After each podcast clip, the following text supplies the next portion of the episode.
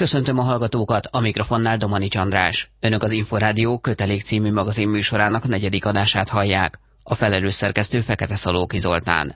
Honvédelmi és biztonságpolitikai műsorunkban egyebek mellett szó lesz az új magyar fejlesztésű páncélozott katonai szállítóeszközről.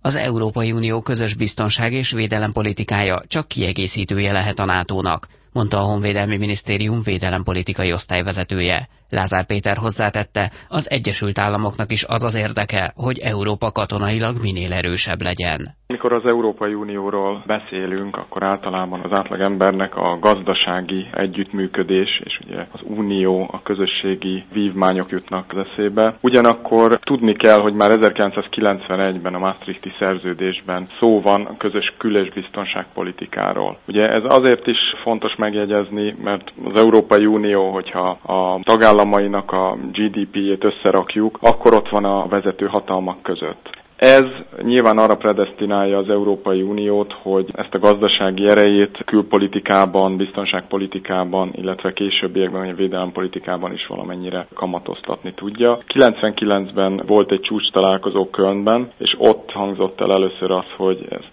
nevezzük, illetve indítsuk el európai biztonság és védelem politikáját az Uniónak. Ezt 2008-ban a Lisszaboni szerződésben átnevezték közös biztonság és védelem politikává, hiszen itt egy olyan előrelépés történt, hogy ugyan ez kormányközi terület maradt, ami azt jelenti, hogy a különböző tagállamok konszenzusa szükséges a döntésekhez. Ugyanakkor egy távlati célként megjelent az, hogy egy közös hadereje alakul majd ki az Európai Uniónak a jövőben. Hogy erre miért van szükség? Többek között akkor, amikor tudjuk, hogy Európa biztonságának a fő garanciáját ugye a NATO adja, illetve a transatlanti kapcsolatok, az Egyesült Államok főképpen. Itt a legkézenfekvőbb válasz az az, hogy az Európai Uniónak és a NATO-nak a tagjai nyilvánvalóan nem teljesen ugyanazok. 28 tagja van mind a két szervezetnek, de a 28-ból 6 az Európai Unióban nem NATO tag, és 6 a NATO-ban nem az Unió tagja. Természetesen az igazi válasz az nem ebben keresendő, hanem abban, hogy az európai tagállamok, főképpen az európai hatalmak úgy gondolják, hogy Európának szüksége van bizonyos fokú autonómiára a biztonság és védelempolitika tekintetében. Magyarul, hogyha az Egyesült Államok és az európai szövetségeseknek a véleménye, fenyegetettségelemzése egy adott kérdésben nem egyezik, és az európaiak úgy gondolják, hogy ők egy válságot mindenképpen kezelni szeretnének, akár katonai eszközökkel is, akkor Európa képes legyen arra, hogy önállóan, akár a NATO keretein kívül önállóan föllépjen. És én azt gondolom, hogy ez egy legitim elvárása az európai államoknak. Annak ellenére mondom ezt, hogy Magyarország egyértelműen elkötelezett a transatlanti kapcsolatok mellett. Ez, hogyha a hadsereget vesszük, mondjuk egy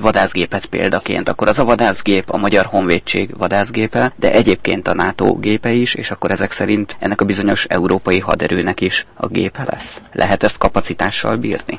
Egyre inkább minden európai ország elfogadja azt, főleg ugye a gazdasági válság következtében, hogy párhuzamos struktúrákat lehetőleg ne hozzunk létre. Mi a kezdetektől fogva kis országként azt mondtuk, hogy Magyarországnak egy hadereje van, és nem gondoljuk azt, hogy külön a NATO-nak és külön az Európai Uniónak fölajánlunk erőket, hanem egyfajta hierarchiát alakítottunk ki. Tehát nyilvánvalóan mi azt mondjuk, hogy jelen pillanatban mindenképpen a NATO az elsődleges garantálója Magyarország biztonságának. Nyilván azt feltételezi, hogy a NATO és az Európai Unió ne egymással versengve lépjen fel, de ez az eddigi tapasztalatok alapján egyáltalán nem gondolnám, hogy egy valószínű szenárió, illetve a NATO és az EU közötti kapcsolatok biztosítják, hogy ilyen rivalizálás tárgyalásról szó se legyen. Különösen, hogyha azt vesszük, hogy a nato belül jelenleg ugye az amerikaiak azt szeretnék elérni, hogyha az európai szövetségesek sokkal inkább hozzá tudjanak járulni a NATO műveleteihez, a NATO képességekhez. Magyarán mondva az európai képességek növelése az egybe cseng az amerikai elképzelésekkel is. Jelenleg mik a legfontosabb kérdések és feladatok az EU közös biztonság és védelem politikájában? Készülünk egy decemberi európai tanácsülésre, amit aktualitásként lehet mondani az a következő. Európában a védelmi költségvetések nyilván néhány kivételtől eltekintve jelentősen csökkentek. És igazából a nagy kérdés az az, hogy ebből a limitált erőforrásból hogyan tudják a tagállamok, illetve hát az Európai Unió a kitűzött célokat, az Európai Biztonsági Stratégiában kitűzött célokat megvalósítani. Ugye most az Európai Tanácsülésen erről fognak beszélni az állam és kormányfők. Példát mondanék, pár évvel ezelőtt kezdődött el a képességek csoportosítása és megosztása néven futó angolul pooling and sharing kezdeményezés. Ennek pontosan az lenne a feladata, hogy az egyes tagállamoknak a képességeit valamilyen módon összekapcsolja, illetve közös képességeket alakítsanak ki, több nemzeti együttműködést feltételez ez, és hogy ezeket a képességeket egyrészt létrehozzák, illetve megtartsák a jelenlegieket, tehát ha megszorítások vannak, akkor ne váljon áldozatává bizonyos védelmi képessége egy országnak, tehát ezt közösen finanszírozni, illetve új képességeket létrehozni, és ezeket a képességeket hogyan tudják majd a jövőben alkalmazni. Ha tényleg közös képességekről lesz szó, akkor nyilvánvalóan ezeknek az alkalmazása bonyolultabbá válik, mintha egy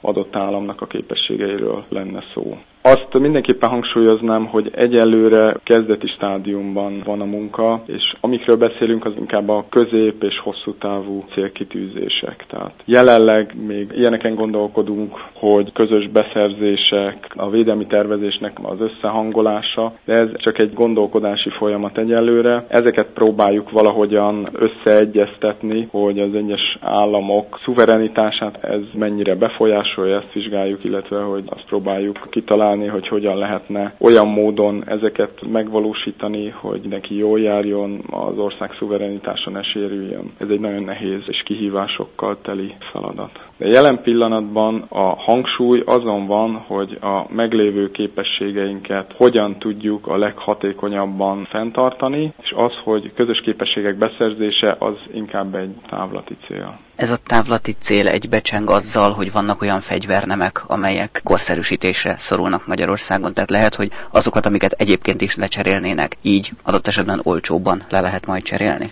Így van, igen, igen, igen, igen. Tehát erről beszélünk. Még egyszer mondom, hogy ezzel kapcsolatban döntés nincsen, csak egy gondolkodási folyamat, de valóban nyilván itt a térségünkben hasonló gondokkal küzdünk, meg kell azt vizsgálni, hogy hol vannak azok a közös pontok, ahol mondjuk egy közös beszerzést meg tudnánk megvalósítani. Mikor valósulhat meg ez a gondolkodás? Említette, hogy ezek hosszú távú tervek. Hány évről beszélünk itt? Hát amikor az Európai Unióról beszélünk, és főleg ugye a közös biztonság és védelem politikáról, akkor én azt szoktam hangsúlyozni, hogy ez egy nagyon lassú folyamat. Türelmesnek kell lenni, nem szabad nagyon magas elvárásokkal lennünk, és azt gondolom, hogy ha megnézzük a jelenlegi biztonsági struktúráját ugye a világnak, de főként Európának, akkor nincs ezzel semmi probléma, hiszen ahogy beszéltünk, a NATO az nagyon jól működik, világ legsikeresebb szövetsége, illetve a történelem legsikeresebb szövetsége, és az Európai Uniónak a közös biztonság és védelem politikája egyelőre és középtávon is egyfajta kiegészítője kell, hogy legyen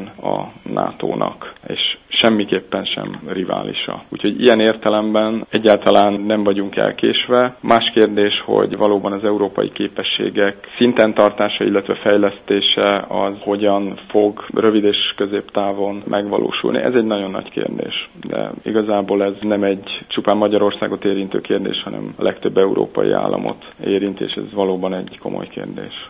Lázár Pétert, a Honvédelmi Minisztérium védelempolitikai osztályvezetőjét hallották.